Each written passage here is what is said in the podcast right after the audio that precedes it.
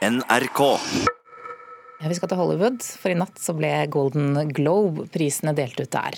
Og det med det så er eh, det vi kan kalle prissesongen i filmbransjen i gang.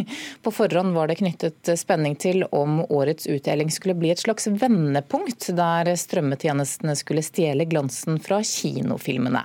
Netflix alene hadde 30 34 nominasjoner, der halvparten var for filmer og halvparten for TV-serier. Og Kveldens eh, vert innledet med å si at strømmetjenestene hadde overtatt eh, Hollywood. Men Sigurd Vik fra Filmpolitiet, det gikk jo ikke helt da, som mange hadde spådd? Nei, eh, ut fra eh, nominasjonene så skulle man jo tro at det her kunne bli Netflix sin aften. Eh, det ble det på sett og vis ikke. Det var ingen av de fire nominerte Netflix-filmene, hvis man tar de to hovedkategoriene samla, som, som, fikk prisen. Og The Irishman, som var en forhåndsfavoritt og en av Netflix sine store filmer, fikk vel rett og slett ingen Golden Globe-priser. Men Sier det noe om posisjonen til Netflix, eller er det litt mer tilfeldig? Det er litt vanskelig nå i startfasen. Man så det under Oscar-utdelinga i fjor også, der Roma var en eh, stor forhåndsfavoritt og også gjorde det veldig bra, som var en Netflix-film da. Men det, men det, er jo tidlige tider for strømmetjenestene i det her celebre filmprisselskapet, så jeg tror man skal være forsiktig med å lese for mye inni det. Men det var jo overraskende at så mange som eh, fire filmer, og da snakker man da om The Irishman, Marriage Story og The Two Popes, Popes i dramakategorien og uh, Dolomite Is My Name, en biografisk film med Eddie Murphy i musikal- og komediesjangeren. De var nominert. Det var mange, men så var det da kinofilmen, den tradisjonelle kinofilmen som uh, stakk av med, med, seieren i begge de hovedkategoriene. Ja, hvor hardt vil du si heatet var, da, eller konkurransen var, for de som, som kjempet om en pris? Ja, Og det var mange gode filmer. Og det er jo interessant da at uh, Quentin Tarantinos Once Upon a Time in Hollywood vant som musikal og komedie, og Sam Mendes i 1917 vant vant i dramakategorien. De kommer nok eventuelt til å må konkurrere mot hverandre i, i det kommende Oscar-løpet. Eh, så Tarantino fikk eh, tre priser på sett og vis under nattens avdeling, eh, utdeling. Så spørs det da om han får lov til å være så alene i kategorien som han var i komedieløpet i år. Er det noen overraskelser eh, for deg, enten når det gjelder eh, de som fikk priser blant filmene, eller eventuelt også skuespillerprisene her? Eh, nei, det var noen gledelige. Aquafina vant for The Farewell. Den har ikke kommet til kino i Norge ennå, så, mye om kvaliteten der kan vi ikke si, men hun var den første skuespilleren med asiatisk bakgrunn som vant for beste skuespillerinne i en Golden Globe-utdeling.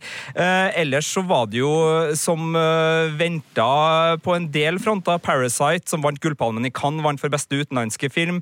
1917 av det her episke krigsdramaet fra første verdenskrig som Sam Mendes har regissert, som kommer til Norge nå i januar, vant for beste drama. Og Once Upon a Time in Hollywood ble den store vinneren. Så, så relativt forventa. Og Joaquin Phoenix da for sin rolle i The Joker vant for beste mannlige skuespiller. Og selv om filmer fra strømmetjenestene nå altså også får nominasjoner i de tradisjonelle filmkategoriene, så er det jo en del egne TV-kategorier eh, også. Hva kan du si om de seriene som vant? Eh, veldig fornøyelig. For, eh, for oss i Filmpolitiet så var det akkurat det vi håpa på. Det var Succession eh, som vant eh, beste dramaserie for sin sesong to. Det var Fleabag som også vant Emmy, som vant for beste komiserie. Og så var det da Tsjernobyl med bl.a. Stellan Skarsgård i hovedrollen, som vant da for beste miniserie. Og Stellan Skarsgård vant også da for beste birolle. Så eh, TV-biten av Golden Globes var, var, gledelig. Der var jo det store, eh, merkelige fenomenet at eh, storserien Game of Thrones nesten ikke var representert i det hele tatt. Kun Kit Harrington var nominert for sin rolle som John Snow. Den vant jo Emmy, så det viser jo litt forskjellen på disse prisutdelingene også. Men den var da også utelatt eh, når det gjaldt eh, de store seriekategoriene. Ja, Hva er egentlig forskjellene mellom disse prisutdelingene? Nå har vi jo, Du nevnte Emmy, og så er det Golden Globe nå. Og Så kommer jo Oscar da, eh, om, om ikke så altfor lenge. Ja, nei, man kan jo si at Oscar er Oscar. Det er den største filmprisen. Der er det Akademiet som, som nominerer og bestemmer. Og så er det Emmy, som på en måte er da TV-seriens Oscar, hvis man kan si det. Og så ligger Golden Globe da, som en liten, et mellomsøsken som både har film- og, og seriepriser, og som deles ut av eh, Hollywood Foreign Press Association, altså journalister. Eh, det gjør jo at det ofte blir litt annet fokus, men eh, man sier jo også at Golden Globe kan være en pekepinn opp mot Oscar, og jeg tror vel sånn cirka halvparten av gangene så er det likhetstrekk mellom en av de to hovedvinnerne på Golden Globes og, og den som gjør det bra på Oscar-utdelinga. Så, så, den er jo en, mer en sånn ja, en, en litt, liten bastardbror av de, de største prisutdelingene denne Golden Globen. Ok, Hvilke forventninger har du da eh, til Oscar-utdelingen nå? Det er vel om en drøy måned, er det? De er alltid store, de der forventningene. Så nå håper jeg bare et norsk TV-selskap får fingeren ut. For nå har vi jo ikke vært bortskjemt med at Oscar har blitt vist på TV i Norge. Det har vært danskene som har vært det nærmeste vi har kommet. Så jeg håper at noen som hører på nå, kanskje sitter på noen muligheter til rettigheter og kan, kan gi oss Oscar i Norge igjen. Det har vært artig. Takk skal du ha, Sigurd Vik fra Filmpolitiet.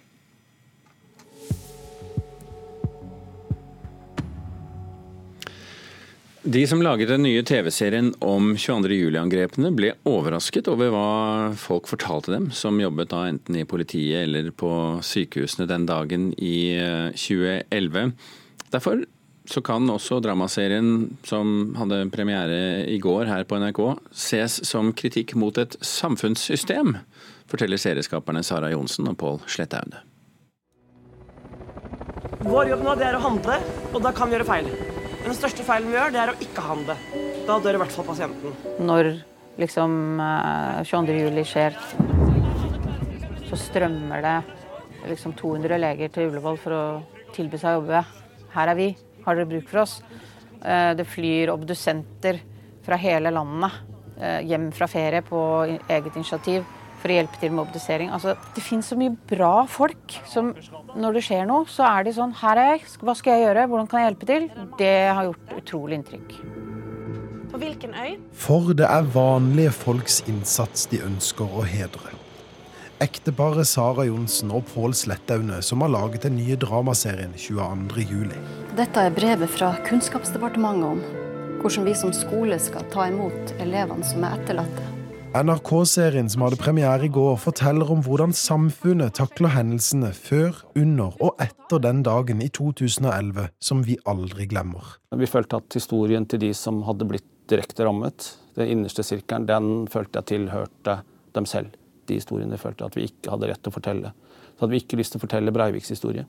Men så tenkte vi kan, kanskje vi kan fortelle om rundt. Kanskje vi kan fortelle om ringvirkninger av en hendelse. Hvordan på en måte, hendelse liksom både avspeiler seg i, i, samfunnet og i de forskjellige samfunnsinstitusjonene. Politihelikopteret sto klart, og mannskapet var tilgjengelig. Men serien kan også ses som kritikk mot et samfunnssystem.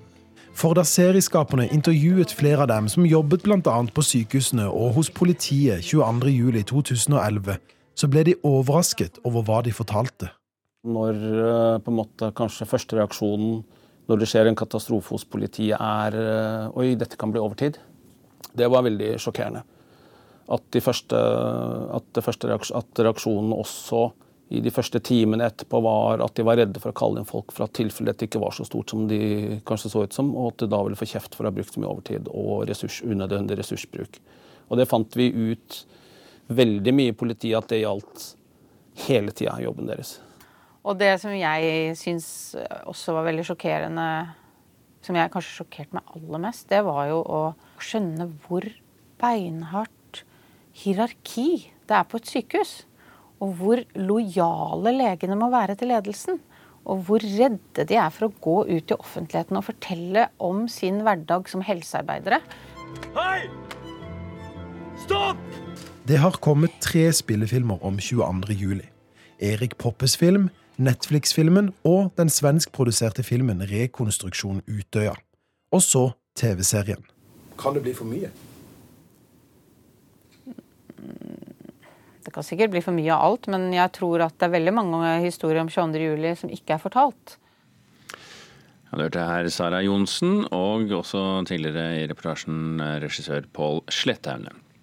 Reporter det var Christian Ingebrigtsen. Ingebretsen. Og da ønsker vi velkommen Lisbeth Rønland, leder for den nasjonale støttegruppen etter 22.07. God morgen. Mm, god morgen. Har du sett eh, hele serien? Eh, ja, jeg har sett hele serien. Vi fikk en eh, forhåndsvisning i styret, så vi satte oss sammen og så alle episodene. Ja, Hva syns du? Den er veldig følelsesmessig veldig sterk. Den er også tror jeg er veldig viktig for samfunnet. Eh, den vil vekke flere debatter, håper jeg. Eh, deriblant om tankegodset som lå bak. Eh, det er jo en blogger som er med i serien, som illustrerer det veldig, veldig godt, hva som egentlig lå bak dette terrorangrepet. Beredskapen vår, oppfølging av berørte, Og splitting av tra traumeteam er jo bare noen elementer som kanskje kan vekke litt debatt, mm. håper jeg. På den annen side, når du ser hvor, hvor fort uh, samfunnet er uh, interessert i å gå videre fra denne saken, uh, er, er, mm. er, det grunn til å være så håpfull som du er? Ja, jeg håper det. Altså, vi har jo prøvd å ta debatten om eh, høyreekstremisme bl.a. Men vi har liksom aldri klart å ha den på et eh, nøkternt nivå. Da. Det, blir, det ender ofte med, med kommentarfelt som er fulle av hatprat. Uh, og så, videre. så jeg håper at vi virkelig kan få tatt den debatten på en ordentlig måte. Hvordan skal vi klare det, da, uten at vi ender opp i sånn ekkokammerkommentering? Ja, det er veldig vanskelig. Jeg skulle ønske jeg hadde svaret på det. Mm. Men vi gjør jo mye da, eh, i forhold til læring om 22.07. som kommer inn i skolen. Eh, vitneprogrammet ute på Utøya og læringssenteret der pluss 22.07-senteret. Så det er jo en begynnelse. Mm. og, og, de lærer jo de kommende generasjoner også hva som skjedde den gangen. For de som vokser opp nå, de husker ikke 22.07 lenger. Nå hørte vi jo disse regissørene som er åpne for at dette, eh, denne serien kan ses på som samfunnskritikk. Eh, hvor, hvor, står du i det spørsmålet? Jeg er helt enig. Mm, veldig... for, for, for, alle oss som ikke har rukket å se hele serien, eh, på hvilken måte? Når det gjelder håndteringen av eh, tankegodset som ligger bak, når det gjelder håndteringen av beredskapen vår, eh, når det gjelder dette med oppfølging av berørte, bl.a. Det er jo en gutt med i serien som mistet eh, søsteren sin. Eh, han blir henvist til et stillerom for, fordi at skolen ikke visste egentlig hva de skulle gjøre. Eh, så det vekker en del debatter om det også. Eh, oppfølging, hvor viktig det er på sikt. da. Hva, hva må til da, syns du, eller tror du, for å få en sunn og god debatt om disse spørsmålene som er så vanskelige for mange? Jeg skulle ønske jeg hadde svaret på det. det. det. har jeg ikke. Men at vi prøver å være tålmodige med hverandre og respektere hverandres syn på en bedre måte, eh, kan jo være en første vei å gå. Det er jo et stort lerret å bleke. Ja, veldig. Men vi, bør, vi må inn i det. Hva, har, du, har, du, noen tips og råd om hvordan vi skal gå inn i det? Med... det er kjempevanskelig, men vi må jo også huske på at vi hadde jo et eh, terrorangrep i august i eh, Bærum. Eh, på en moské der. Samme tankegodset. Heldigvis så ble ikke det så omfattende, men det kunne ha blitt det. Så å være åpne og, og kunne debattere uten å gå i ekkokamre, uten å få altså alle disse kommentarene og hatpratene som vi har hatt tidligere, da, og truslene mot uh, f.eks. unge overlevende fra Utøya. Men hvem, hvem, er det som skal eh, ta ansvaret for det? Må vi gå til staten liksom, for å få eh, dette i ordnede forhold? Jeg tror vi må ta ansvar alle sammen, ja. Uh, og begynne rundt middagsbordet bl.a. Være veldig obs på hvordan vi prater om hverandre. Det er en, måte å gå, en vei å gå. Skolen er en vei å gå. Eh, hvis vi sammen kan erkjenne det eh, og debattere det på en ordentlig måte, så blir det mye bedre, tror jeg. Ok. Lisbeth eh, Røyneland, leder for den nasjonale støttegruppen etter 22.07. Takk for at du var med oss her i Nyhetsmorgen.